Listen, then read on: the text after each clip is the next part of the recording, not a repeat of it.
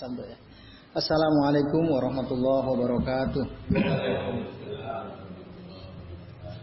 Alhamdulillahi rabbil alamin wal akibatu lil muttaqin wala udwana illa 'alal zalimin. Asyhadu an la ilaha illallah wahdahu la syarikalah wa asyhadu anna Muhammadan abduhu wa rasuluh. Allahumma salli wa sallim wa barik ala Muhammad wa ala ali Muhammad kama sallaita wa barakta ala Ibrahim wa ala ali Ibrahim fil alamin innaka Hamidum Majid amma ba'du. Bapak-bapak dan ibu sekalian, rahimani wa rahimakumullah. Semoga semua kita yang hadir di majelis ini senantiasa dirahmati oleh Allah Subhanahu wa taala. Amin. Ya Allah ya rabbal alamin. Alhamdulillah pada malam ini ya kita insya Allah akan menuntaskan kajian kitab Situ Duror ya min usuri ahli asar. Ini bagian terakhir dan bagian ikhtitamnya. Mudah-mudahan bisa selesai. Mari kita lihat halaman 192 ya. Silakan antum buka halaman 192 di kitab antum. Saya bacakan ya dalam teks aslinya. Ijtama Syekh Muhammad Nasiruddin Al-Albani bi ahadi qadatil ahzab al-islamiyah. Suatu, suatu kali Syekh Al-Albani, Syekh Muhammad Nasiruddin Al-Albani ahli hadis al-muasir ya, ahli hadis kontemporer. Beliau bertemu berkumpul dengan salah satu pemimpin partai Islam. Tidak sebutkan ini partainya namanya partai apa. Yang jelas dia Qadah Al-Ahzab Al-Islamiyah. Wa kana Syekh ala dirayatin daqiqah dan Syekh Al-Albani tahu ya, tahu dengan detail di hawadisihim sepak terjang partai ini, partai mereka ini. Wa balaghahu anna muayyidihim yu'adduna bil malayin dan telah sampai berita kepada Syekh Albani bahwa para pendukung mereka, para pendukung partai, pimpinan partai ini jumlahnya jutaan. Jadi banyak simpatisannya gitu. Nah, fakana mimma sa'alahu anhu ma usbituhu huna ikhtisaran an qala lahu asy Dan di antara apa yang ditanyakan ya, oleh Syekh Al-Albani, saya akan sampaikan di sini secara singkat, secara ringkas. Jadi Syekh Abdul Malik bin Ahmad Ramdhani Al-Jazairi beliau pada bagian akhir ini akan menyebutkan menyampaikan secara ringkas dialog antara Syekh Albani dengan pimpinan partai ini. Nah, dia bilang saya akan sampaikan secara ringkas. Apa yang dikatakan atau ditanyakan oleh Syekh Albani? Akullul ladina ma'aka ya'rifuna Allah annallaha mustawin ala arsyihi. Apakah semua orang yang bersamamu Mereka mengetahui bahwa Allah, bahwasanya Allah itu bersemayam di atas arasnya. Itu pertanyaan Syalbani kepada si pemimpin partai tadi. Saya ya. Apakah semua orang-orang yang ikut bersamamu itu, para simpatisan partai itu, atau anak buahmu itulah bahasa kitanya, mereka tahu bahwasanya Allah itu bersemayam di atas aras. Nah, wa ba'da akhadha ya. Wa raddin wa taharraba wa. Nah, setelah si pemimpin partai ini merasa bimbang ya antara mengiyakan atau menolak dia bingung ini orang-orang yang ikut bersamaku ini tahu enggak ya kalau Allah itu bersemayam di atas aras dia bingung bimbang kalau ditanya, kalau dia bilang iya, apa betul iya? Lalu kalau dia bilang tidak, tidak tahu semua, nah apa konsekuensinya? Lalu akhirnya wakal al-mas'ul berkatalah si pemimpin partai ini narzu eh, narju zalika. Ya saya, saya berharap demikian. Hari saya berharap semoga semua orang-orang yang ikut bersamaku ini tahu bahwa Allah itu bersemayam di atas di atas arasnya. Jadi dia menjauh dengan jawaban yang tidak pasti. Ya saya berharap demikian, kan gitu. Saya berharap demikian kan tidak pasti tuh. Nah, lalu kata Syekh Albani, Da'ka anil jawab astiasi. Jangan engkau jawab dengan jawaban yang politis. Artinya jawaban kamu, saya harap demikian, itu bukan jawaban yang diinginkan oleh Syekh Albani. Beliau hanya ingin jawaban iya atau tidak gitu saja. Tapi dia bilang ya saya berharap saya berharap demikian. Syekh Albani menolak. Saya nggak mau. Itu jawaban politis. Jawab iya atau tidak udah gitu saja. Pak Ajabahu bin Nafi akhirnya si pemimpin si pemimpin partai ini mengatakan tidak. Tidak semua pengikut dia tahu bahwa Allah itu bersemayam di atas arusnya. Jelas ya? Nah. Lalu apa kata Syalbani? Ini kahanya. Cukuplah jawabanmu ini untukku. Jadi dialog tidak perlu dilanjut. Ini sudah cukup. Kenapa? Karena pertanyaan yang disampaikan oleh Syekh Al-Albani ini ya, merupakan pertanyaan yang lahir dari satu kaidah penting yaitu at-tasfiyatu wa tarbiyah. Allati hiya adaku mizanin tu'rafu bihi ad-da'awat al-jihadiyah al-yawm.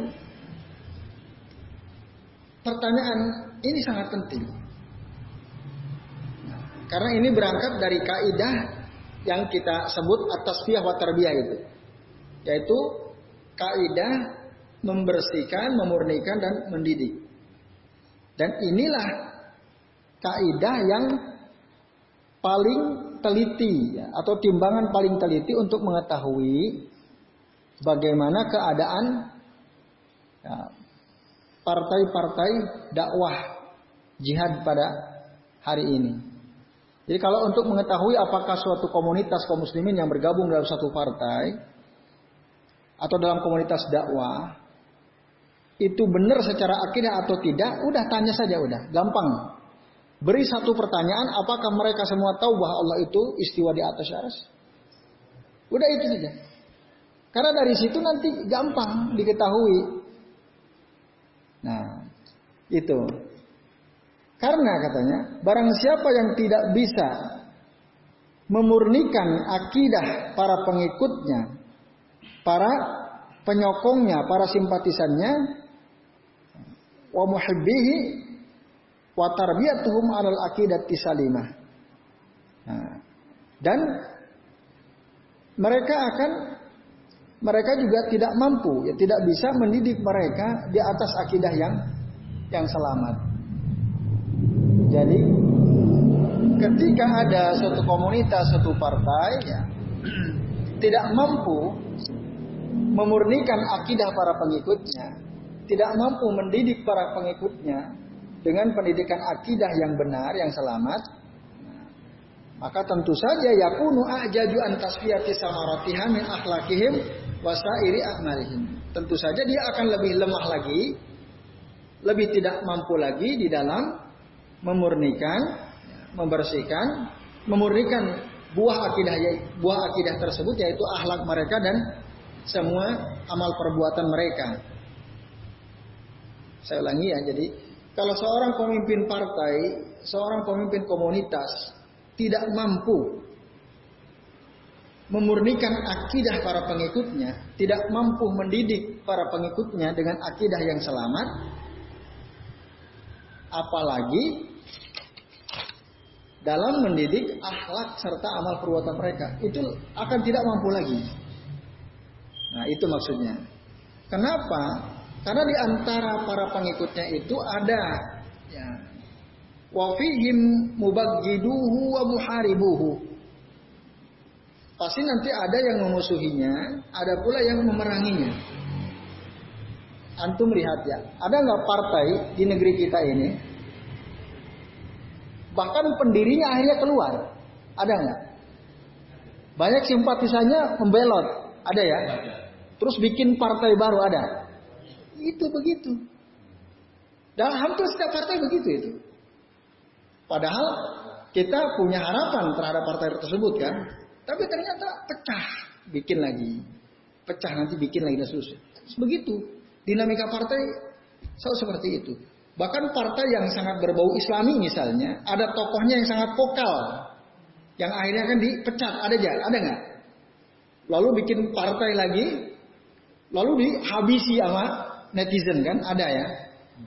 Ya. Nah, itu, begitu itu. Kenapa? Karena dalam partai itu sendiri, kalau akidahnya nggak beres, pendidikan akidahnya nggak beres, pasti selalu ada banyak kepentingan, gitu.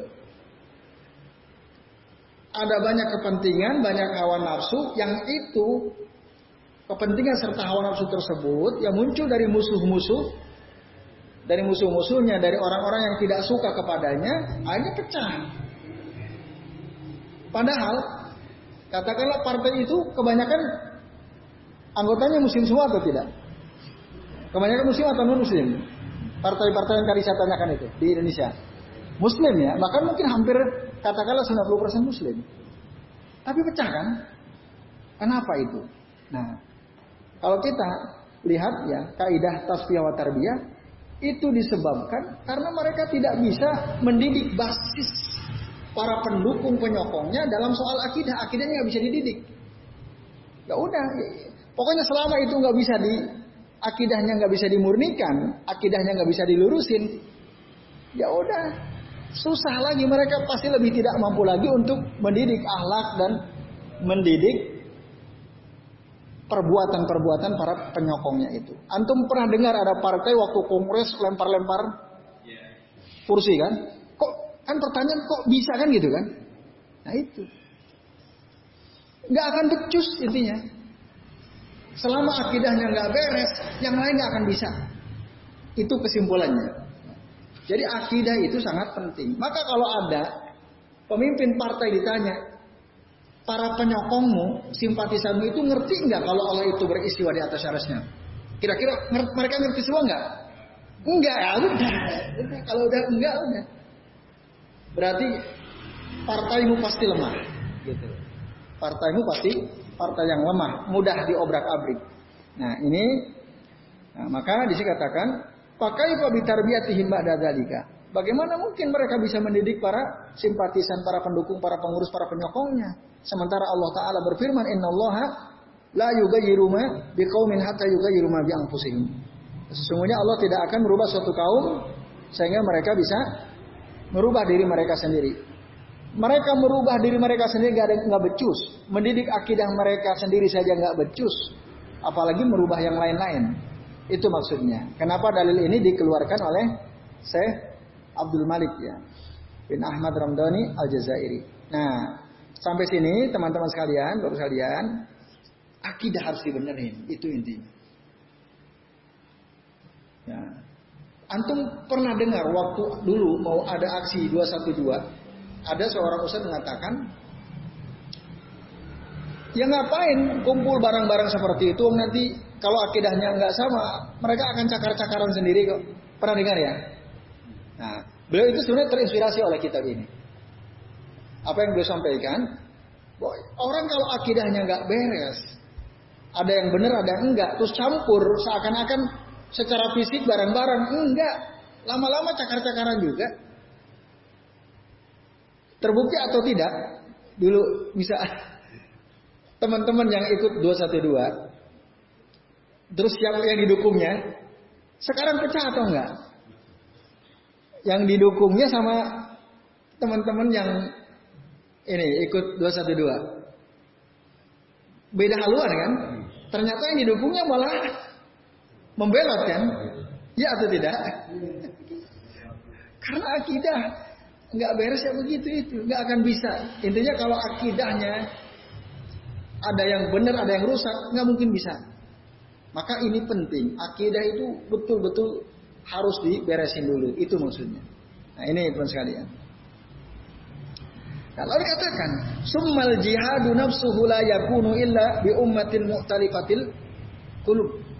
Jihad sendiri itu tidak mungkin terjadi jihad sendiri tidak mungkin bisa dilakukan kecuali dengan umat yang hatinya bersatu. Bisa nggak kita perang jihad melawan musuh kalau hati kita kita lah katakan kita nih mau jihad ada orang PKI satu truk nih. Kita digerebek sini kalau hati kita nggak satu bisa nggak kita lawan mereka? Nggak bisa. Tapi kalau hati kita nyatu mereka mungkin satu truk lebih banyak. Hati kita bersatu akidah kita benar semua kalah mereka pasti itu. Yakin kalah. Tapi kalau kita beda-beda akidahnya, oh, mendingan kabur aja dan sebagainya. Ah, takut mati misalnya. Ini perumpamaan sederhana gitu ya dari apa yang digambarkan dalam kitab ini teman sekalian. Jadi jihad itu bisa berhasil manakala hati umat yang tergabung dalam jihad tersebut mereka satu hatinya. Karena apa? Li'anna tilafa rafidun nasr. Karena kesatuan hati itulah kunci datangnya kemenangan. Perang Uhud itu yang saya pernah cerita, itu hatinya nggak satu. Ada sekian ratus orang, mereka orang munafik. Ketika perang, selain karena mereka tidak mentaati perintah Rasulullah, ada juga orang-orang munafik yang hatinya nggak menyatu. Ketika terjadi serangan balik, mereka kabur, balik lagi. Ya, itu nggak bersatu hatinya. Nah, itu bahaya sekali. Ya, teman-teman sekalian. Mana dalilnya bahwa kesatuan hati itu adalah kunci kemenangan? Yaitu surah Al-Anfal ayat 2, 62 63. Allah taala berfirman, "Huwallazi ayyadaka binasrihi wa bil mu'minin wa allafa baina qulubihim." Nah, ini. Dialah Allah, zat yang telah memperkuat kamu wahai Muhammad dengan pertolongannya dan yang telah memperkuat orang-orang beriman. Wa allafa baina qulubihim dan dialah Allah yang telah menyatukan antara hati-hati mereka, hati-hati kaum beriman. Nah, ya taklif al-qulub. Ya. Kesatuan hati itulah apa yang bisa dipahami ya dari dua ayat ini yang menyebabkan datangnya pertolongan dari Allah. Allah akan memperkuat kalau hati kita satu. Akidah kita sama. Orang kalau akidahnya sama, hatinya sama pasti itu. Nah ini perlu kita perhatikan bersama-sama ya ikhwas sekalian bahwa akidah itu penting ya. Bahkan paling penting kalau kita uh, ulangi lagi bahwa ya diterima atau tidaknya amalan seseorang itu sangat bergantung kepada baik benar atau tidak akidahnya. Akidahnya rusak ya amalnya nggak diterima. Jadi ininya besar sekali konsekuensi akidah itu. Allah katakan wal qulubu illam tajtami alal aqidati salafiyati kana ashabu hafi siqaq.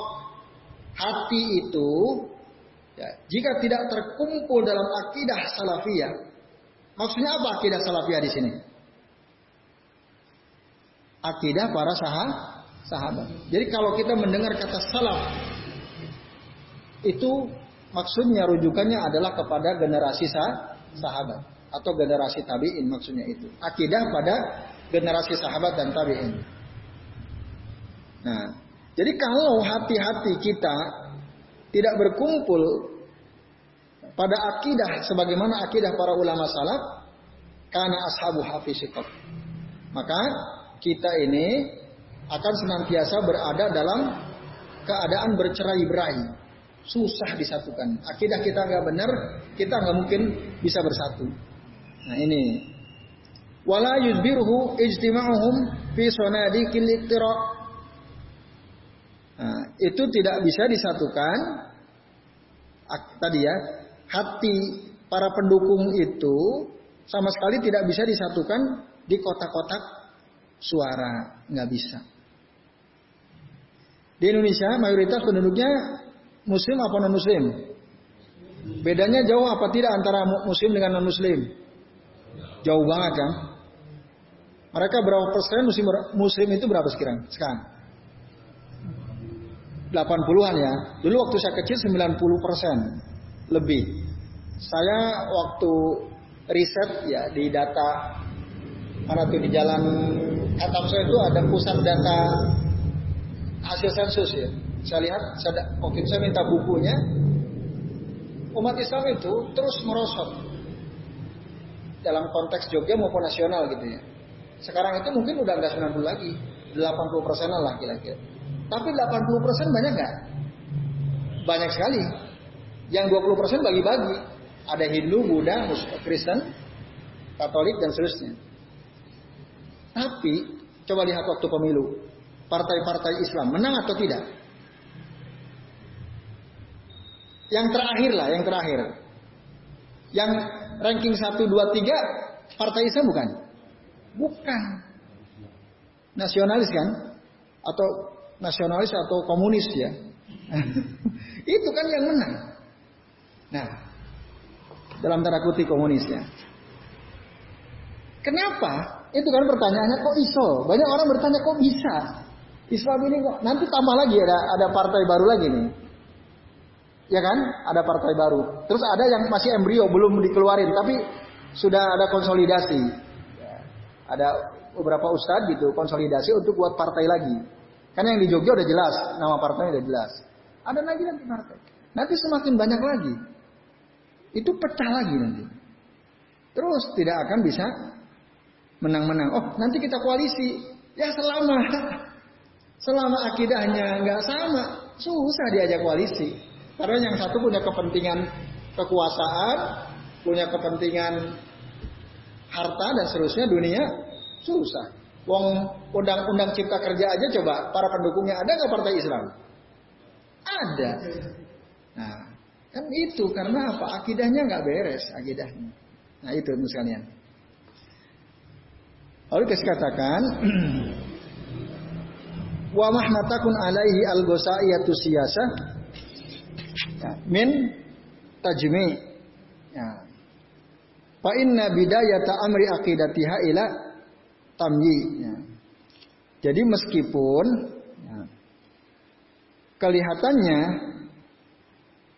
eh, apa secara politik kelihatannya kumpul gitu ya. Tapi dalam urusan akidahnya lunak. Nah, maka wanihayatu tajmi'iha akhir perkumpulannya itu ila tafarrukin watabdi. Akhirnya akan kacau juga. Ya, jadi kalau suatu perkumpulan politik ya ada tapi masalah atau urusan akidahnya lunak, lunak itu nggak nggak jelas, pada akhirnya perkumpulan tersebut akan hancur-hancur juga. Akan saling tabi itu saling membidahkan. Maksudnya ya saling gontok-gontokan, nggak akan bisa bersatu kalau akidahnya lunak. Nah itu maksudnya teman sekalian.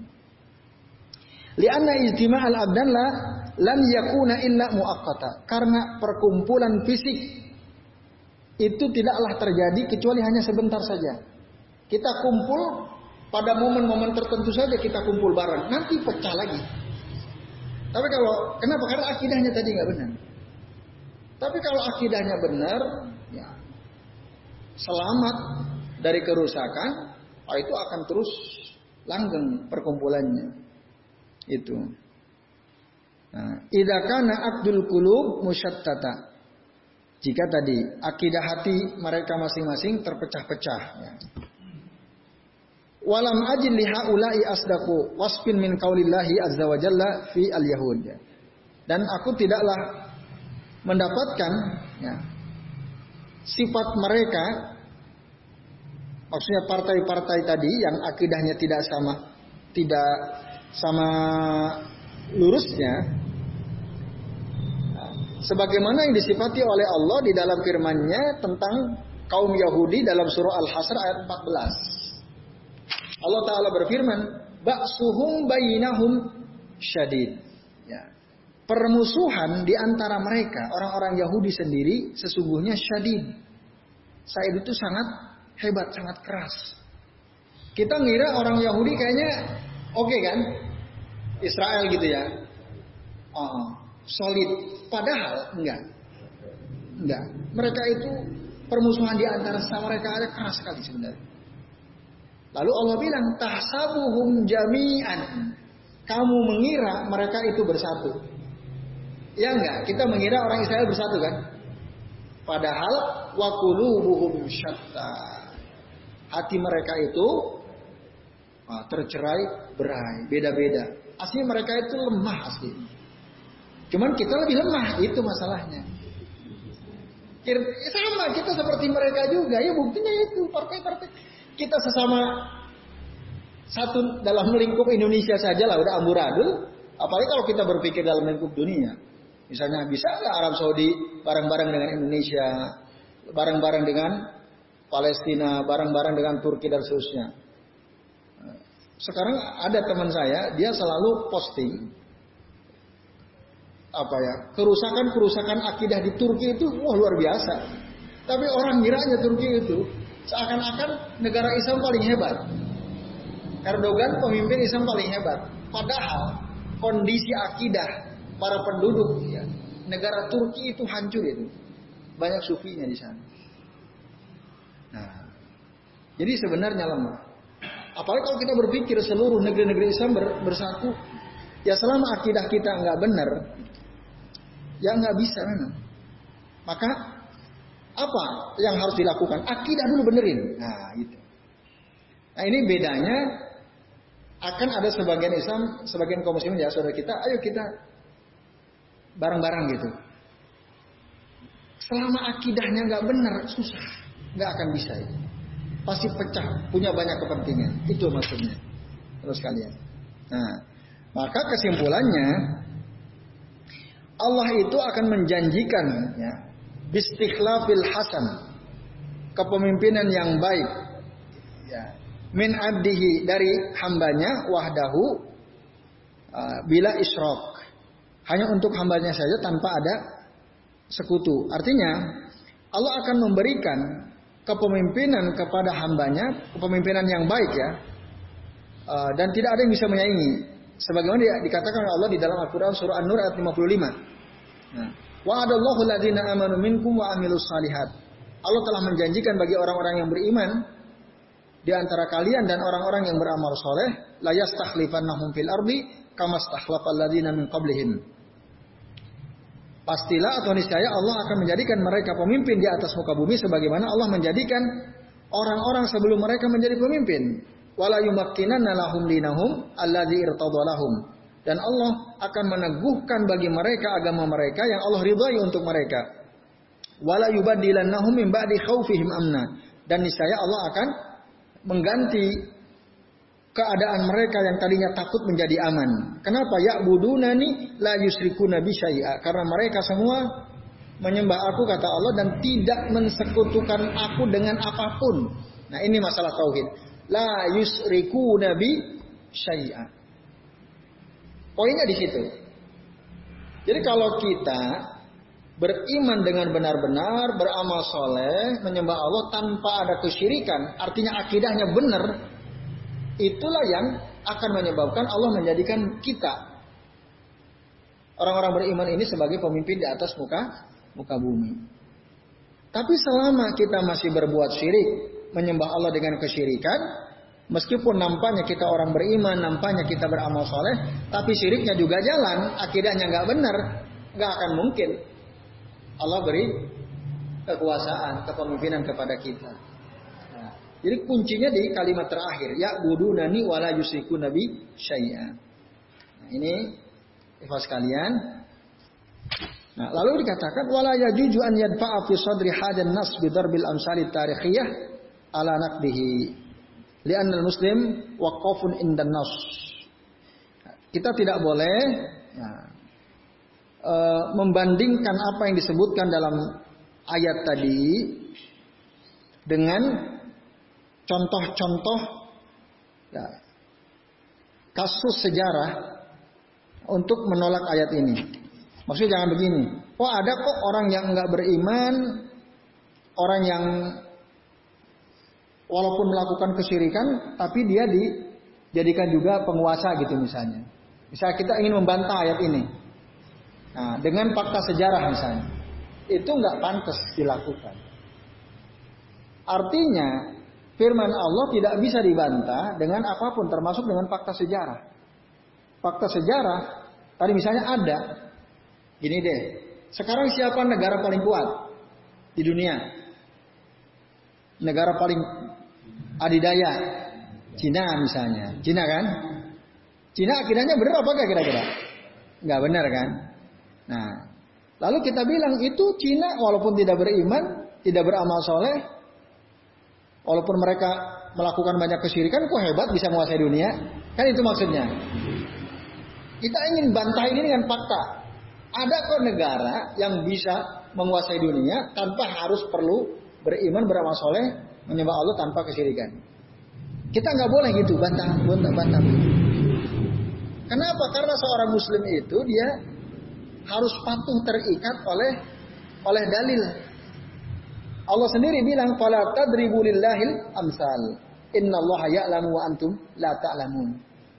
Jangan membandingkan Allah dengan permisalan-permisalan yang lain gitu. Karena sesungguhnya Allah itu tahu kalau kalian tidak tahu. Kan kita kayaknya bener tuh ngomong, oh, Cina aja negara hebat nggak perlu iman, nggak perlu syirik, hebat dia. Ayat ini nggak bener kan gitu. Kan gitu ya. Kita nggak bisa tuh bilang begitu. Kita nggak bisa bandingkan Allah dengan contoh-contoh lain. Kenapa Allah tahu? Allah lebih tahu, kita nggak tahu. Nah gitu. Nah ini surah An-Nahl ayat 74 teman-teman sekalian. Ini saya kira ayat-ayat penting yang patut kita renungkan. Lalu katakan, amma tahdidu saya su'alahu fi mas'alatil istiwa. Adapun pembatasan saya Al-Albani terkait pertanyaan beliau ya terhadap si pemimpin partai tadi hanya sebatas masalah istiwa itu. Fali annaha muftariqut turuq baina ahli sunnati wa ashabil ahwa. Karena pertanyaan itu ya, merupakan jalan terbaik untuk membedakan antara ahlu sunnah dengan ashabul ahwa dengan para pengikut hawa hawa nafsu. Caranya gampang gitu aja udah. Dia min ahli sunnah, akidahnya benar atau ashabul ahwa atau para pengikut hawa nafsu. Udah tanya aja gitu. Kalau nggak bisa oh, berarti ashabul ahwa. Kalau dia jawabannya nggak tahu, kayaknya nggak tahu semua ya udah. Berarti para pengikutnya ashabul ahwa itu maksudnya. Wali annaha al aqidatu sahlatul lati kanat ya'rifuha. Karena persoalan Allah di mana, Allah bersemayam di atas aras, ini adalah akidah yang sangat mudah yang bisa diketahui oleh masyarakat pada zaman Nabi masih hidup ya. Allah di dunya wa qadal umam yang dengannya maka Nabi dengan akidah yang benar tadi bisa menaklukkan dunia dan bisa memimpin umat-umat hatta al jawari min ru'atil ghanam. Bahkan sampai seorang budak wanita penggembala kambing pun ngerti akidah ini. Bayangkan. Jadi seluruh masyarakat di zaman Nabi saking akidahnya ini lurus sampai-sampai orang-orang biasa saja, rakyat katakanlah rakyat jelata saja paham. Artinya apa ini akidah ini Sesungguhnya sangat gampang. Kok ada orang sekarang nggak percaya gitu dengan akidah ini. Akidahnya kok nggak benar. Wong dulu aja orang apa budak yang kerjaannya menggembala kambing ngerti gitu. Nah, lalu katakan wamtihanus sayhi bihadzalikal hizb asyasi az-za'im annahu mutakammilun fi dinihi wa ala mustawa jahiliyati waqtihi pertanyaan atau ujian saya Albani dengan pertanyaan tadi ya, terhadap tadi eh, tokoh-tokoh uh, partai politik yang diklaim atau yang mengaku bahwa dia sudah sempurna dalam ilmu agamanya. Nah, dan intinya dia sudah lebih jauh lebih pandai daripada orang-orang yang bodoh pada waktunya. Hadal imtihan maslaku salaf, maslakun salafiyun. Nah, pertanyaan yang diajukan Syekh Albani itu merupakan ya, jalan atau metode salafi. Salafi itu metode para sahabat ya. Wa in za'ama anfukulla anfukulli khalafi. Meskipun hal ini tidak disukai oleh orang-orang belakangan. Orang-orang khalaf itu lawan kata dari salaf ya. Orang-orang sekarang tuh gak suka kalau ditanya seperti itu. Nah, mari kita lihat hadis riwayat Imam Muslim tentang kisah Muawiyah bin Hakam As-Salami. Ya. Kata Muawiyah bin Hakam As-Salami, dulu aku punya kambing yang ada di antara Bukit Uhud dan di sekitar Bukit Uhud tersebut. Nah, di tengah-tengah kambingku itu ada seorang budak wanita yang menggembalanya. Suatu kali aku datang, suatu hari aku datang untuk melihatnya, ya, melihat bagaimana nasib kambing-kambingku yang diangon oleh si budak wanita ini. Tiba-tiba waktu aku lihat ada seorang seekor serigala telah ya, menerkam membawa satu kambing, satu kambingku gitu. Dan aku kata Muawiyah bin Hakam adalah ya manusia biasa, rajulun min bani Adam. Pak Asabtu, maka saya kesal. Ya, lalu pasokat Tuhan, aku pukul si wanita itu. Dipukul si perempuan penggembala kambingnya itu. Lalu akhirnya beliau merasa bersalah. Datanglah beliau kepada Nabi menceritakan apa yang sudah terjadi. Nah ini karena bagi Muawiyah bin Al-Hakam As-Salami ini tindakan yang sudah dia lakukan ini ya sangat apa ya menyesal. Beliau sangat menyesal ini dianggap perkara besar gitu. Akhirnya aku berkata kepada Rasulullah, Rasulullah apalah a'tikuha. Sebagai bentuk penyesalan ya Rasul, apakah saya akan membebaskan si budak wanita yang menggembala kambingku ini? Apa kata Nabi? Uduha. Coba panggil dulu dia sini. Sebelum kamu bebaskan sebagai rasa penyesalanmu telah memukul dirinya, panggil dulu dia sini. Akhirnya dipanggil si budak itu, lalu Nabi bertanya, Aina Allah. Nah, pertanyaannya gampang banget. Aina Allah. Di mana Allah? Kata Rasulullah. Dia bilang apa? Kalau sama. Allah di langit. Allah di atas. Lalu Rasul tanya lagi, man ana? Siapa saya? Kalau antara Rasulullah. Engkau adalah Rasul utusan Allah. Jawabannya benar.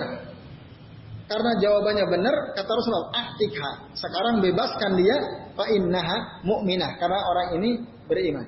Nah, karena akidahnya benar. Dia bilang, aku ini utusan Allah, ketika Allah di mana? Allah di langit, Allah bisa. Ada nggak sekarang orang yang menolak dikatakan Allah di langit? Ada nggak? Ada. Bahkan ustaz-ustaz populer itu ya. Kalau kita kumpul sama mereka-mereka itu ya nggak akan ini pecah-pecah juga.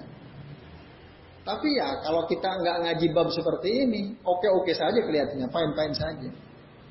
Nah, padahal ada persoalan besar di situ. Apalagi kalau sudah populer itu susah dibenerin biasanya. Udah banyak pengikutnya, banyak simpatisannya, kalau dibenerin susah. Cenderung terus akan berkelit, berkelit, berkelit, padahal dalilnya sudah jelas semua. Nah ini, ikhlas kaliannya. Nah, lalu coba perhatikan katanya. Semoga Allah merahmati kamu. Masyarakat yang dibina dengan sungguh-sungguh oleh Nabi, mereka sempurna dalam akidahnya. Bahkan sampai-sampai si penggembala kambing yang ya, sangat jarang ketemu dengan Nabi. Kan yang sering sahabat-sahabat besar. Ada banyak masyarakat sangat jarang, paling satu dua kali ketemu Nabi. Tapi akidahnya benar. Ditanya Allah, Aina Allah Allahu fis ana anta Rasulullah Itu udah udah di artinya udah paham mereka. Nah, kalau sekarang di, ditanya di mana Allah? Apa katanya jawabnya? Allahu maujud Allahu maujud Allah itu ada bila makan katanya. Allah itu ada tanpa tem tempat. Kan itu ustaz ustaz populer itu ngomong begitu. Allah maujud bila makan katanya. Allah ada tanpa tem tanpa tempat. Padahal tadi ketika ditanya oleh Nabi Allah di mana? Allahu fis sama. Dia nyebutin tempat atau tidak? Nyebutin tempat. Si hamba wanita itu nyebut Allahu fis sama, Allah di langit. Kan tempat, maksudnya di aras, di, di aras. Tapi ada banyak orang, termasuk ustadz-ustadz populer, dia dengan sangat apa bangga dia mengatakan Allahu mawjud bila makan. Allah itu zat yang eksis tapi nggak punya tempat. Nah, itu. Nah, ini susah. Selama terus seperti ini, kaum muslimin di negeri ini ya beda-beda gitu secara akidah, susah bersatu. Susah sekali. Nah ini terus sekalian. Nah, coba perhatikan ya.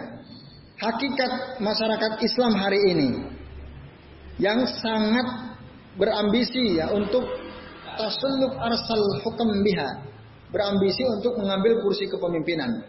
Para partai-partai itu kan berambisi atau tidak? Semua partai kan ambisinya menguasai kursi ke pemimpinan, kursi pemerintahan. Itu dari bunas sasid baina jihadi ulaika wa jihadi haula untuk ya, menemukan perbedaan yang sangat jelas antara jihadnya mereka dengan jihadnya mereka yang hidup di masa Nabi SAW. Jadi jihad kaum muslimin hari ini dengan jihad para sahabat Nabi dulu beda jauh. Beda jauh. Sekarang jihadnya yang di jadikan target apa? Kekuasaan, ya kan? Akses terhadap apa? Kursi-kursi yang basah kan itu. Memperkaya diri. Beda dengan dulu para sahabat ketika berperang, ya betul-betul ikhlas kalimatillah untuk meninggikan kalimat-kalimat Allah. Nah, supaya akidahnya benar. Dulu gitu, maka beda sekali. Ya. Fahal istata'atid da'awat al-jihadiyah anta jma'al atba fadlan an ri'a ala ala Allah. Apakah para tadi orang-orang yang berkumpul atas nama jihad, atas nama dakwah dan jihad itu mampu mengumpulkan para pengikutnya ya untuk bisa menjawab pertanyaan ain Allah, di mana Allah? Bisa enggak? Misalnya ada satu partai diuji saja. Tanya aja pimpinan partainya. Pak atau Bu, kira-kira para simpatisan, para penyokong partai Bapak tahu semua nggak kalau ditanya di mana Allah? Apakah mereka semua akan menjawab Allah beristiwa di atas harusnya? Kira-kira apa jawaban para ketua partai itu? Mampu atau tidak? Kemungkinan enggak. Tahu semua atau tidak? Kemungkinan jawabannya tidak. Nah, ini artinya di sinilah perlunya pendidikan, perlunya pemurnian, tasbih wa tarbiyah itu. Itu dididik. Walaupun mungkin ada partai yang secara kaderisasi bagus ya, karena dibina kader-kadernya. Tapi kalau akidahnya nggak dibina, ah itu repot juga. Itu maksudnya. Nah, lalu ditanyakan, am huwa su'alun adha udhukatan tatanaddara biha al-ahzab fi zamati ta'siril hadara wa mahallu sukriyati inda munazziri al-jama'at apakah pertanyaan ini akan menjadi bahan tertawaan. Ya, bahan tertawaan di partai-partai yang ada, ya, di mana uh, apa zaman sangat dipengaruhi oleh modernanitas ya, modernitas atau kemodernan dan apakah itu akan jadi bahan ejekan bagi para pengamat politik ya. Mungkin pengamat politik akan bilang ini lucu lucu benar nih partai. Masa yang dibahas di kaderisasi di mana Allah misalnya. Pasti akan dihina kan? Padahal ini penting. Gitu. Ini sangat penting. Dari situ diukur benar atau enggak akidahnya. Nah, atau apakah mereka paham tentang pentingnya berhukum dengan apa yang sudah Allah turunkan? Paham atau tidak? Nah, Walaupun misalnya mereka meremehkan pertanyaan di mana Allah, doya Allah. Nah itu. Maka ya, ketika pamata ya'zanallahu bi'idki riqabihim mimma istadaluhum ketika Allah membebaskan belenggu perbudakan mereka dari siapa yang telah menghinakan mereka sebagaimana Seorang hamba sahaya wanita dibebaskan ketika dia mengetahui di mana Allah. Artinya apa? Pertanyaan di mana Allah ini sangat penting. Dengan dia mampu menjawab itulah akhirnya dia dibebaskan dari perbudakan. Bebas atau enggak si wanita itu? Bebas. Maka kalau kita berpikir ya, tadi lurus dalam akidah kita, pasti Allah juga akan membebaskan kita dari kehinaan. Itu intinya. Maka Allah Ta'ala berfirman, Wallahu ghalibun ala amrihi. Allah itu berkuasa atas segala urusannya, walakinna aksaron nasi layak lamun, tetapi kebanyakan orang tidak tahu. Coba kalau kita semua akidahnya benar, kira-kira Allah tolong kita atau tidak? Pasti ditolong oleh Allah. Tapi enggak, kita kan lebih mendahulukan otak kita. Wah enggak menurut saya begini, oh enggak menurut saya begini, agak ketemu nanti. Karena masing-masing orang punya argumen, masing-masing orang punya hawa nafsu. Antum berdiskusi musyawarah, ya sehebat apa pun nggak akan ketemu selama antum tidak punya patokan yang sama.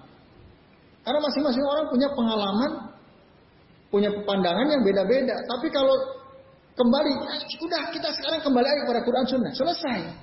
Dalam Quran bagaimana? Sunnah Nabi Rasul menjelaskan seperti apa? Gak usah kita dakik-dakik ngomong argumen kita, pengalaman kita, kalau kita sudah mampu, mari kita kembali kepada Quran. Mari kita kembali kepada Sunnah. Selesai. Ini kan tidak. Kebanyakan kita kalau musyawarah begitu ya. Lebih banyak pada pandangan kita masing-masing, pengalaman kita masing-masing. Dilupakan Quran, dilupakan Sunnah. Akhirnya akan ketemu. Yang diikuti ya hawa nafsu. Nah, nah di sini penting kita kembali kepada Quran Sunnah. Terutama tentu saja dalam bab akidah. Nah, akan tetapi dikatakan hakikatu hada soal, hakikat pertanyaan yang diajukan oleh Syekh Al-Albani itu ya, ia istikhraju hakikat da'awat untuk mengeluarkan hakikat dakwah yang dilakukan oleh orang-orang itu. Dan untuk menjelaskan sejauh mana keikhlasan niat mereka.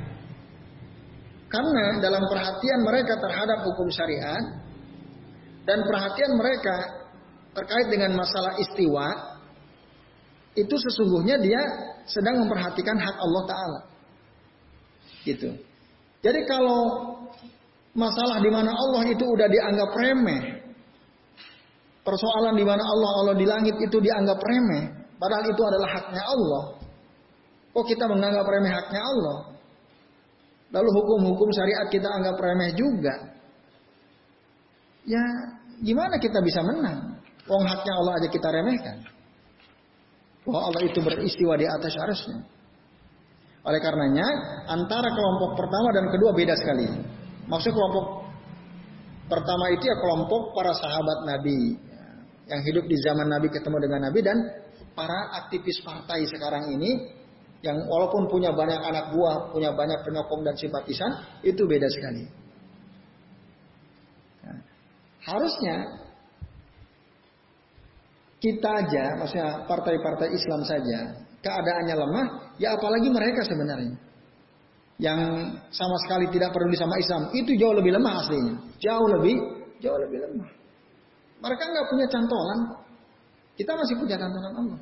Tapi tadi sayang masih banyak para aktivis partai Islam lupa tadi untuk supaya menyamakan akidahnya. Itu yang dilupakan oleh mereka. Nah, wa huwa anna lil abdi fil aula hawzan li wa huwa ma yatakarraru alal alsan min istirja'i al madhalim wastifai al huquq.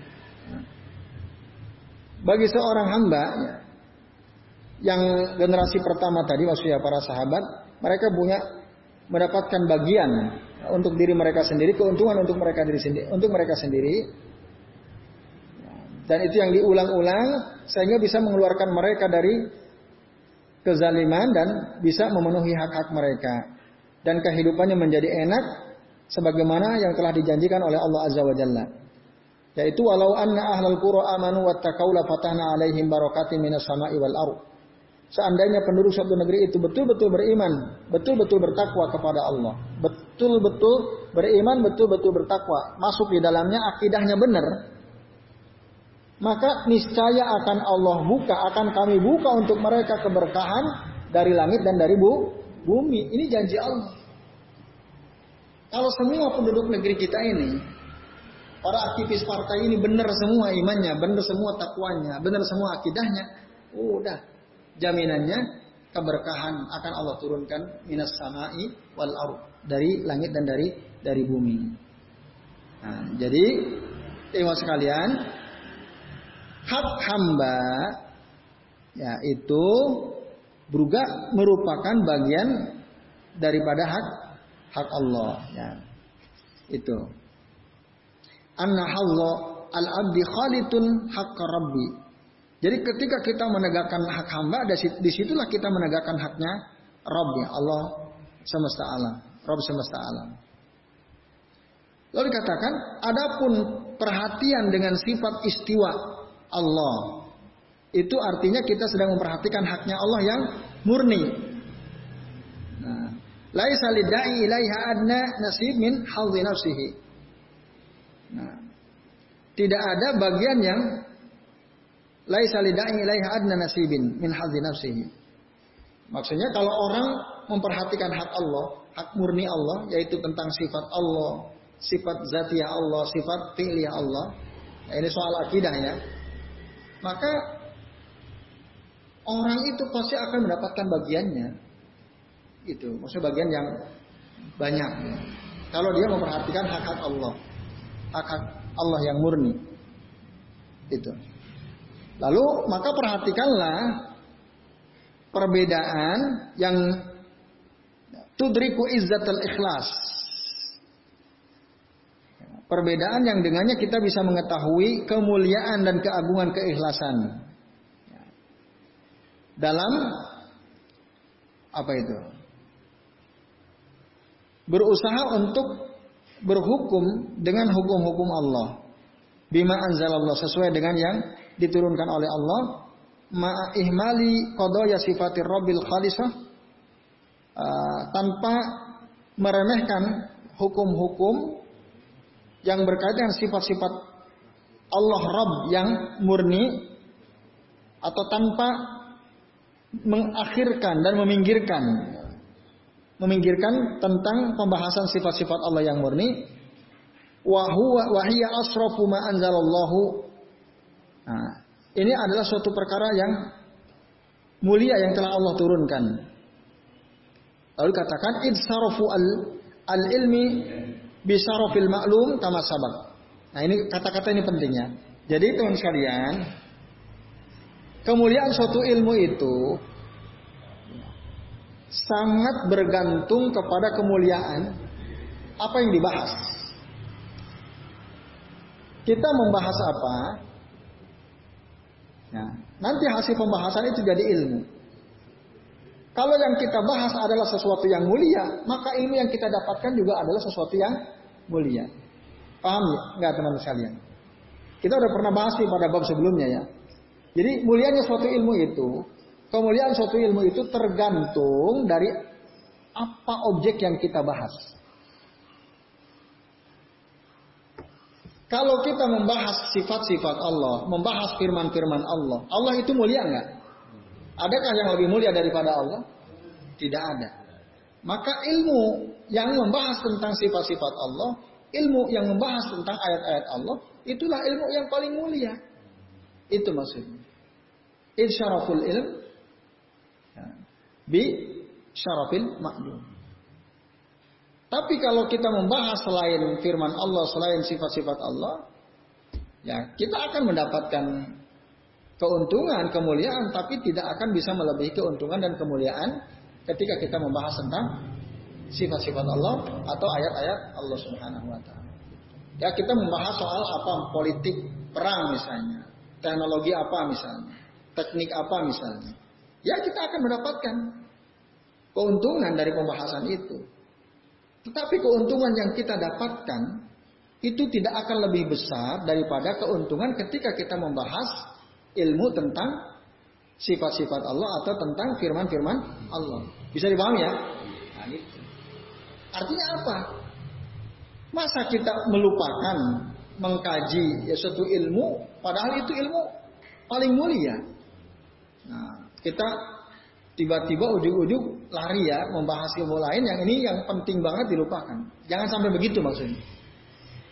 Silakan antum membahas tentang teknologi apa dan apa silakan. Tapi ingat, jangan pernah antum tinggalkan ya, belajar ilmu yang paling mulia yaitu ilmu yang membahas tentang sifat-sifat Allah, ilmu yang membahas tentang firman-firman Allah. Nah, itu jangan dilupakan. Itu ikhwas kalian ya. Nah, lalu Nah, di sinilah pentingnya kembali kepada dakwah para nabi. Alladzina qalu liqaumihim di mana mereka berkata kepada kaumnya, "Ubudullaha malakum min ilahin ghairuh." Sembahlah oleh kalian Allah. Nah, tidak ada Tuhan yang berhak disembah bagi kalian kecuali eh, selain Allah nggak ada. Jadi kita harus mendahulukan mengilmui tentang sifat-sifat Allah maksudnya itu dan harus mendahulukan berilmu tentang firman-firman Allah atau ajaran-ajaran yang sudah Allah sampaikan baik dalam Al-Quran maupun yang disampaikan oleh Rasulullah SAW. Nah, lalu, nah ini kata-kata terakhirnya, dua kata terakhirnya. Faqaddimu al-ihtimam bisyirkil kubur al-ihtimam bisyirkil kusur. Dulu, ya, orang-orang salaf, para sahabat itu, mereka mendahulukan perhatiannya kepada kesyirikan terhadap kuburan daripada kesyirikan apa al-kusur maksudnya tidak mengamalkan hukum-hukum Allah. Insoha ada takbir kalau ungkapan ini dianggap benar gitu ya. Jadi gini, maksud kata-kata terakhir ini gini. Jadi dulu para sahabat, para ulama salaf, Fenomena kan macam-macam ya. Ada orang yang syirik. Syirik di sini syirik dalam bab akidah. Di sini disebut syirkul kubur. Syirkul kubur itu ya dia menjadikan kuburan sebagai sekutu bagi Allah. Kalau dia punya keinginan, maka dia akan datang ke kuburan, dia berdoa di kuburan itu. Atau ketika dia punya suatu masalah, ingin selesai masalahnya, dia akan datang ke kuburan itu. Karena apa? Karena dia yakin kalau dia datang berdoa di dekat kuburan itu masalahnya selesai. Itu namanya syirkul kubur. Oh, itu jadikan perhatian besar. Sampai-sampai Rasulullah berpesan kepada Ali. Janganlah engkau biarkan uh, wasanan berhala kecuali engkau binasakan atau engkau robohkan. Wala qabran illa sawaitahu dan janganlah engkau tinggalkan kuburan yang ditinggikan kecuali engkau ratakan. Itu pesan Nabi kepada Ali bin Abi Thalib radhiyallahu anhu. Jadi Rasul menyuruh Ali, ini soal kesyirikan. Jadi kalau kamu nanti jalan ketemu wasan, wasanan itu berhala, berhala itu macam-macam ya. Bisa patung, bisa pohon, bisa batu dan seterusnya. Kecuali engkau hancurkan berhala itu. Wala kuburan musyrikan illa sawaitahu. Dan janganlah engkau sekali-kali membiarkan ada kuburan yang ditinggikan kecuali engkau ratakan. Karena apa? Berpotensi dijadikan ya ini tempat yang diyakini memiliki apa? keutamaan gitu ya. Maka semua kubur sudah ratakan. Jangan jangan sampai ada ditinggikan. Berpotensi untuk menjadi uh, objek yang bisa menimbulkan kesyirikan. Itu pesan Nabi kepada sahabat Ali bin Abi Talib radhiyallahu anhu. Nah, maka diperhatikan betul tuh masalah kuburan. Perhatian terhadap masalah kesirikan kuburan itu lebih diutamakan daripada perhatian kepada hal-hal ini. Syirkil kusur tadi ya maksudnya. Uh, mereka tidak menerapkan hukum-hukum Allah gitu. Tidak menerapkan hukum Allah. Insuhah ada takbir jika ungkapan ini benar. Lihada lam takun al imamatu min usulil imani fatadabbar. Oleh karenanya masalah kepemimpinan dalam Islam ini ya, tidak termasuk bagian dari rukun iman. Rukun iman apa bukan? Kepemimpinan dalam Islam. Bukan. Penting tapi dia bukan rukun iman. Audi Syiah, orang-orang Syiah itu al-imamah. Itu rukun iman mereka. Salah satu al-imamah. Imamah itu masalah kepemimpinan. Dalam Islam al-sunnah wal jamaah tidak. Nah, kenapa? Karena itu itu otomatis akan baik kalau kesyirikannya diperbaiki. Itu kalau akidahnya benar, masalah politik, masalah kepemimpinan pasti ikut, pasti benar nanti itu. Tapi kalau itu yang didahulukan sementara akidahnya rusak, kesyirikannya dibiarkan, nggak akan mungkin bisa punya pemimpin yang yang baik. Nah itu maksudnya. Fatadabbar maka renungkanlah. Nah ini bagian terakhir. Lalu penutup teman sekalian. Nah inilah dia kata saya Abdul Malik ya, bin Ahmad Ramdhani Al-Jazairi. Aku memohon kepada Allah Semoga Allah senantiasa melapangkan dada-dada kaum muslimin secara umum dan melapangkan para dai khususnya uh, supaya mereka mencukupkan diri mereka dengan apa yang ditinggalkan oleh para salafus saleh ya. Dalam amal ini bihadihil usuli sitah dengan enam landasan ini. Kenapa? Li'annahu la majala lil usuli ila khairid dunya wal akhirah karena tidak ada pilihan untuk bisa sampai kepada kebaikan dunia dan akhirat illa bittibaiha kecuali dengan mengikutinya. Maksudnya mengikuti ya, landasan-landasan yang enam ini yang itu merupakan uh, peninggalan para salafus saleh. Kama annahu la majala litah ila ghairiha. Sebagaimana juga tidak ada alasan untuk ya, berpaling kepada yang lainnya karena li'annaha rakaizun buni 'alaiha man taqaddama nadinahum faqama lahum bunyanahum. Karena inilah uh, rokaiz itu apa? Ya landasan-landasan yang dibangun di atasnya oleh mereka yang telah mendahului kita, dibangun di atasnya agama mereka, maka berdirilah bangunan kokoh bagi mereka. Nah, Wastadda auduhum wa qawiyat syaukatuhum. Maka kuatlah persatuan mereka itu. Wadzalika min taufiqillah lahum. Ini semua terjadi karena taufik dari Allah untuk mereka.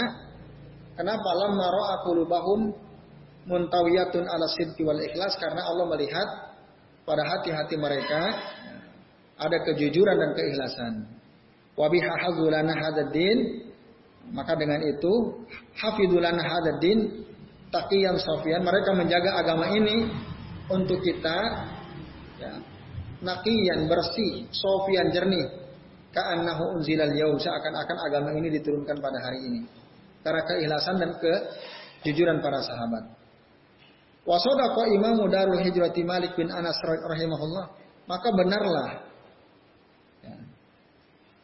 Imam Darul Hijrah, Darul Hijrah itu Madinah maksudnya. Siapa? Imam Malik bin Anas. Siapa Imam Malik bin Anas? Penulis kitab Al-Muwatta. Benarlah beliau ketika beliau mengatakan la yuslihu akhiru hadza ya, al amra al amri illa ma aslaha awalahu. Aparnya? Tidaklah mungkin akan menjadi baik ya akhir atau urusan umat terakhir ini kecuali kalau kecuali dengan ma'aslah awalahu kecuali dengan sesuatu yang bisa menjadikan baik generasi terdahulu. Bisa terpahami nggak? Sesungguhnya tidak akan mungkin menjadi baik akhir urusan urusan umat terakhir ini. Kita kan umat terakhir nih. Tidak akan pernah bisa menjadi baik kecuali ya, ma'aslah awalahu dengan sesuatu yang bisa memperbaiki generasi awal. Dulu generasi sahabat, mereka bisa menjadi baik. Bagaimana caranya? Akidahnya benar sah, semua. Hati mereka bersatu. Tidak ada bid'ah. Itu yang membuat mereka menjadi generasi terbaik.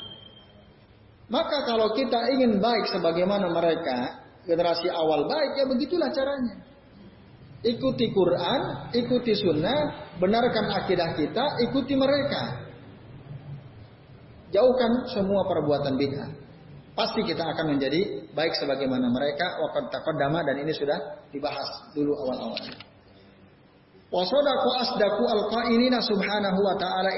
Maka benarlah apa yang dikatakan oleh Allah. Ya, sebenar-benar zat yang berkata, di mana Allah berkata, Nah, ini penting. Coba Bapak, Bapak dan ikhwas kalian perhatikan. Ini firman Allah ya. Ini luar biasa ini. Iya'lamillahu fi qulubikum khairan.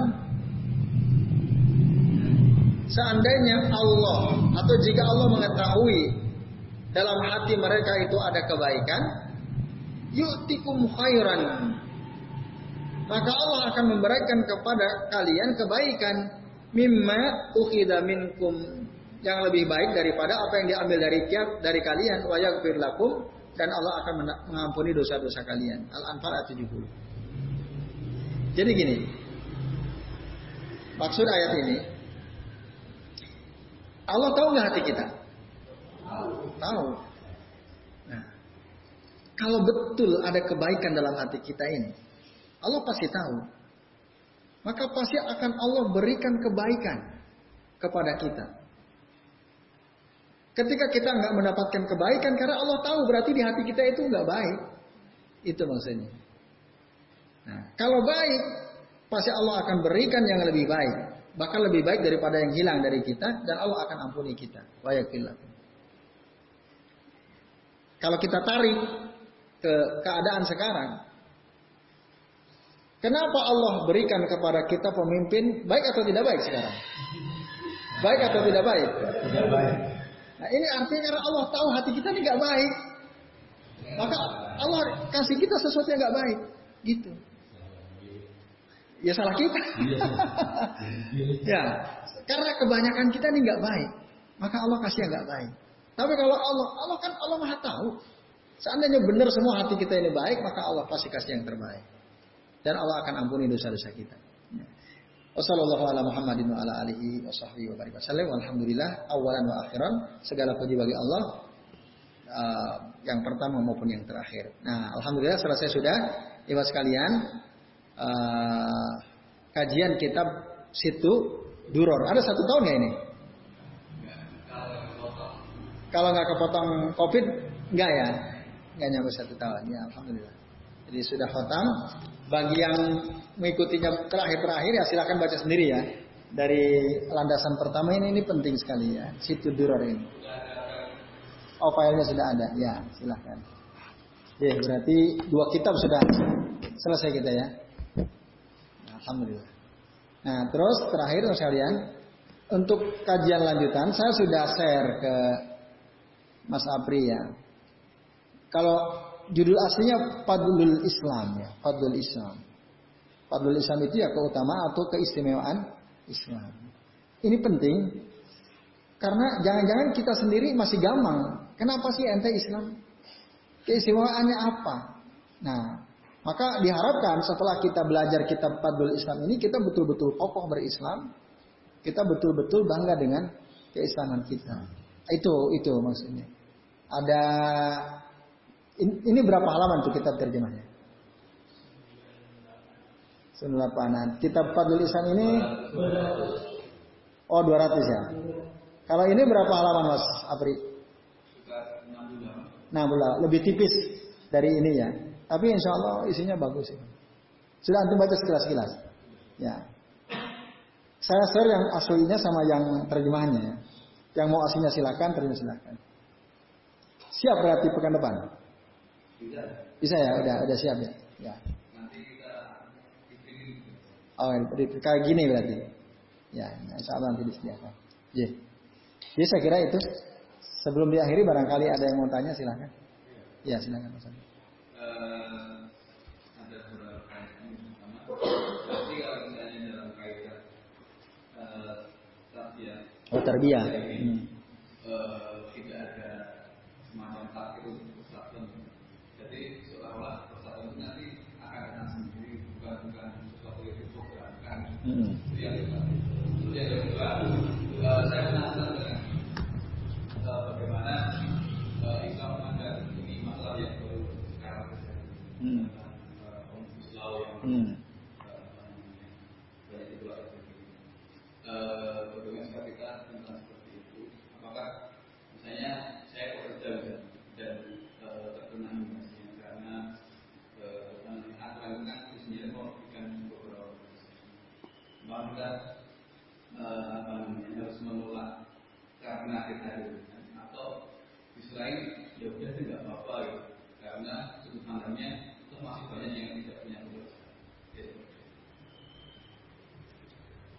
Tidak peduli karena alasan masih banyak yang tidak punya bukti.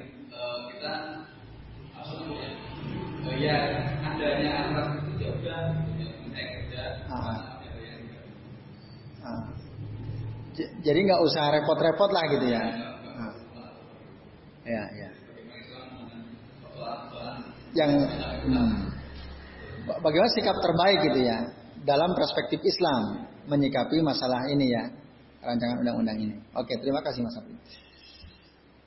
Dalam kaidah atas pihak wa tarbiyah ini apa tidak ada usaha-usaha untuk menyatukan? Ada kesan seperti itu gitu ya. Nah, jawabannya tidak justru ketika melakukan tasbih dan tarbiyah itulah langkah awal untuk menyatukan umat. Langkah awalnya yaitu. Bisa dipahami ya? Iya. Kalau terburu-buru kita nyatuin tapi nggak melakukan tasbih tarbiyah ya nggak akan nyatu-nyatu. Karena yang paling prinsip itu dulu. Nanti otomatis apa langkah-langkah berikutnya akan lebih mudah gitu. Untuk ayo kita kumpul bareng, kita punya agenda bersama dan seterusnya. Karena tasbih dan tarbiyah sudah dilakukan. Gitu. Ya inilah kita kasih sampel. Ini hanya sekedar pembanding saja ya. Ada kan partai yang kaderisasinya lewat pembinaan, ada nggak? Nah, ada partai tapi nggak kaderisasinya nggak ada pembinaan. Lebih mudah mana? Di organisirnya. Yang ada pembinaan kan? Nah itu. Itu aja. Kita lihat contoh sederhana saja. Maka kalau umat ini sudah di tasbiyah, di tarbiyah, gampang banget nanti di koordinir, disatukan gampang. Itu. Jadi jawabannya itulah langkah awal yang sangat prinsipil untuk melakukan persatuan itu. Jangan ditinggalkan itu. Karena itu langkah yang paling awal itu. Kalau itu dilewati nggak akan mungkin bisa. Gitu.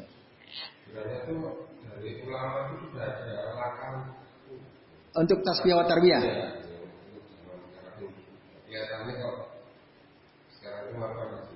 Ah, sebenarnya ada nggak ada. Ketika kita ngaji kitab ini itu salah satunya. Ketika kita belajar kitab situ duror ini, ini semua dalam rangka tarbiyah wa tasfiyah ini. Kita ini. Supaya kita semua mikir, oh iya ya, kita ayo kita perbaiki akidah kita. Ayo kita kajian terus. Kita belajar terus tentang ya tentang ayat ayat Al-Qur'an, tentang hadis-hadis Rasulullah, hukum-hukum Allah kita pelajari.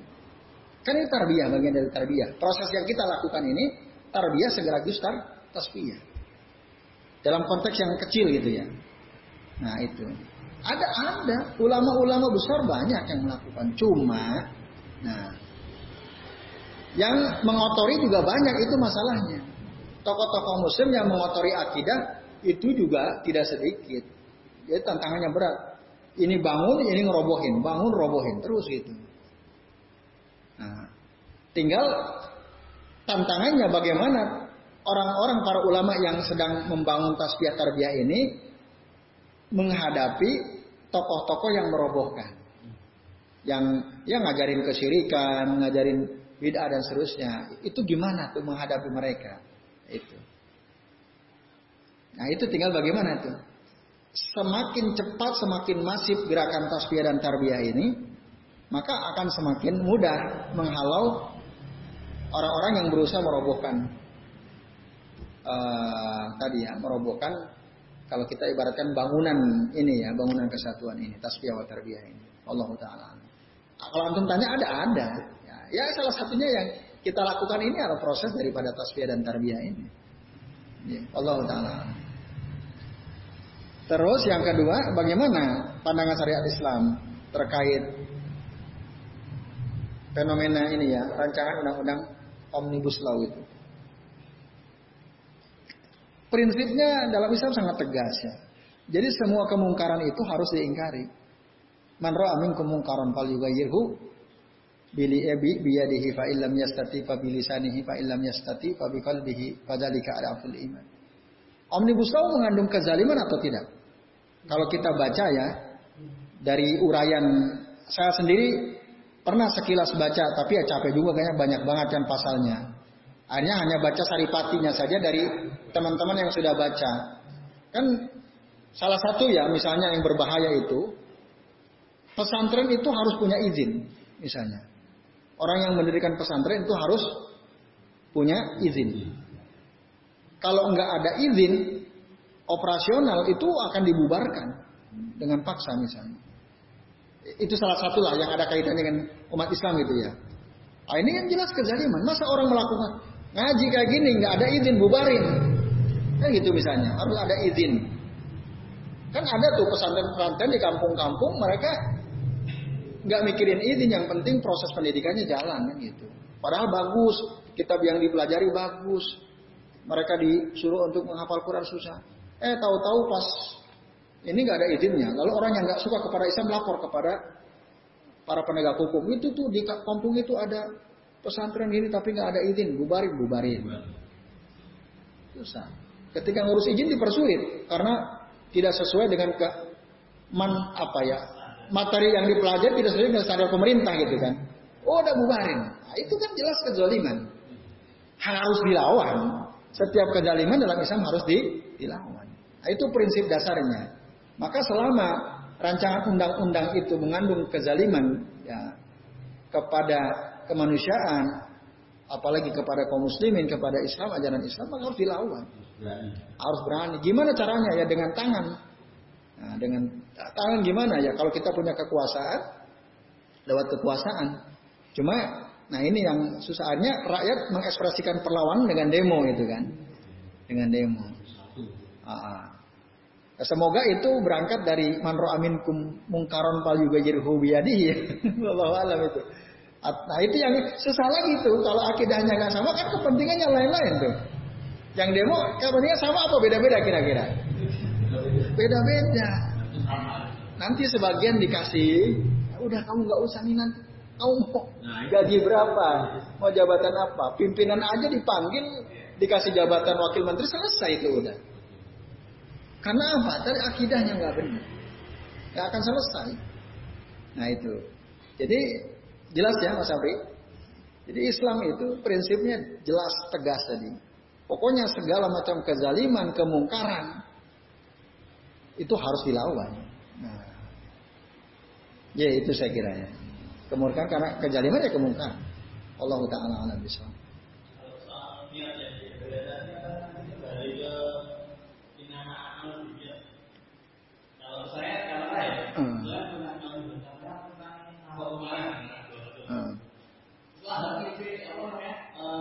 meremehkan. Hmm. Hmm. Ya.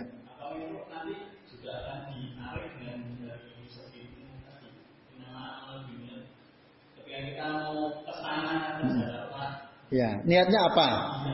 Ya, iya jelas. Niat itu sangat berpengaruh. Ya tidak dalilnya itu yang antum sebutkan innamal a'malu niat wa innamal likulli imri'in manawa. Sesungguhnya setiap amal itu tergantung niatnya. Dan setiap orang akan mendapatkan sesuatu sesuai dengan yang diniatkan. Nah, itu. Jadi ke ketulusan niat ya kalau niatnya tadi misalnya kita nggak terima Ahok menghina Quran. Ya kan? Melecehkan Quran. Melecehkan para ulama misalnya. Sementara ulama dalam Islam itu dimuliakan. Al-Quran jelas innahu Quranun karim. Sesungguhnya dia adalah Quran yang mulia. Kita berangkat dalam rangka itu. Niatnya benar. Nah, tapi ada lagi yang niatnya lain lagi. Nah, nah yang tadi yang saya sampaikan, kalau niat kita beda-beda, terus apalagi akidah secara akidah beda-beda, mungkin sekarang kelihatan bersatu. Tapi nanti lama-lama ya akan ribut juga. Rebutan lagi nanti. Gitu. Tapi kalau akidahnya benar, niatnya sama, nanti ya gampang sekali disatukan. Gampang mendapatkan kemenangan. Hati mereka bersatu, tadi maka Allah akan tolong mereka. Allah akan perkuat mereka. Ya itu Mas Isna ya. Jelas ya? Ya Allah Ta'ala. Cukup? Ya, mau nggak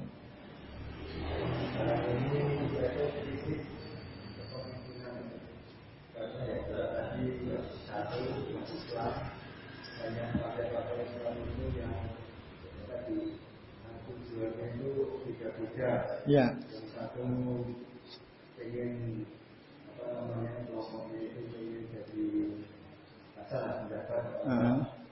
Jadi kita pun mustahil punya pemimpin yang amanah. Ya. Kalau partai-partai Islam itu nggak bersatu ya sampai yang aku kita nanti nggak akan punya apa pemimpin yang sesuai yang dimakan yang tadi apa dan sunnah tadi Hmm. sesuai eh, yang amanah gitu. Ya. hmm. Karena tadi ada yang diiming-imingi ada dengan Jabatan misalnya. jabatan apa apa mau Ah. ada yang Dikasih penghargaan udah oh, ah udah nggak kritis lagi gitu ya. ya, Ah, jadi tadi untuk meyakinkan kita itu ke tidak ya Hmm. menunjukkan kayak dulu saya apa eh, umat muslim perang badar itu kan jumlahnya cuma sedikit setidaknya Ah. itu kalau dihitung secara Matematika. matematika nggak akan menang Hmm. tapi dengan sepertiga itu keimanan orang Islam itu teguh Hmm. jadi Rasulullah itu menegurkan sebelum berperang itu meyakinkan Ah. bahwa kita harus yakin sama-sama bareng maju perang kalau ada yang terus mundur Iya. nah itu akan menang akhirnya Allah akan memberi kebaikan akhirnya menang juga Iya. Ya. nah ini kalau kita umat Islam ya yakin terus eh, ada yang belok tadi ada yang munafik apa Hmm. ya nanti kita ada akan ada pemimpin yang semangat tadi karena di penghargaan terhadap nafsu dunia Hmm. Iya. Ya selama tadi proses tasbih dan tarbiyah tidak dilakukan, kayaknya memang susah. Nggak mungkin kita punya pemimpin yang amanah ya.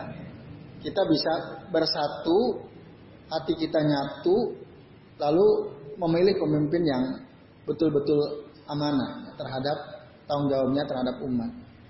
Ya, itu maka apa yang ingin ditegaskan dalam landasan yang terakhir ini betapa pentingnya kaidah tasbih wa tarbiyah itu, proses tasbih wa tarbiyah itu.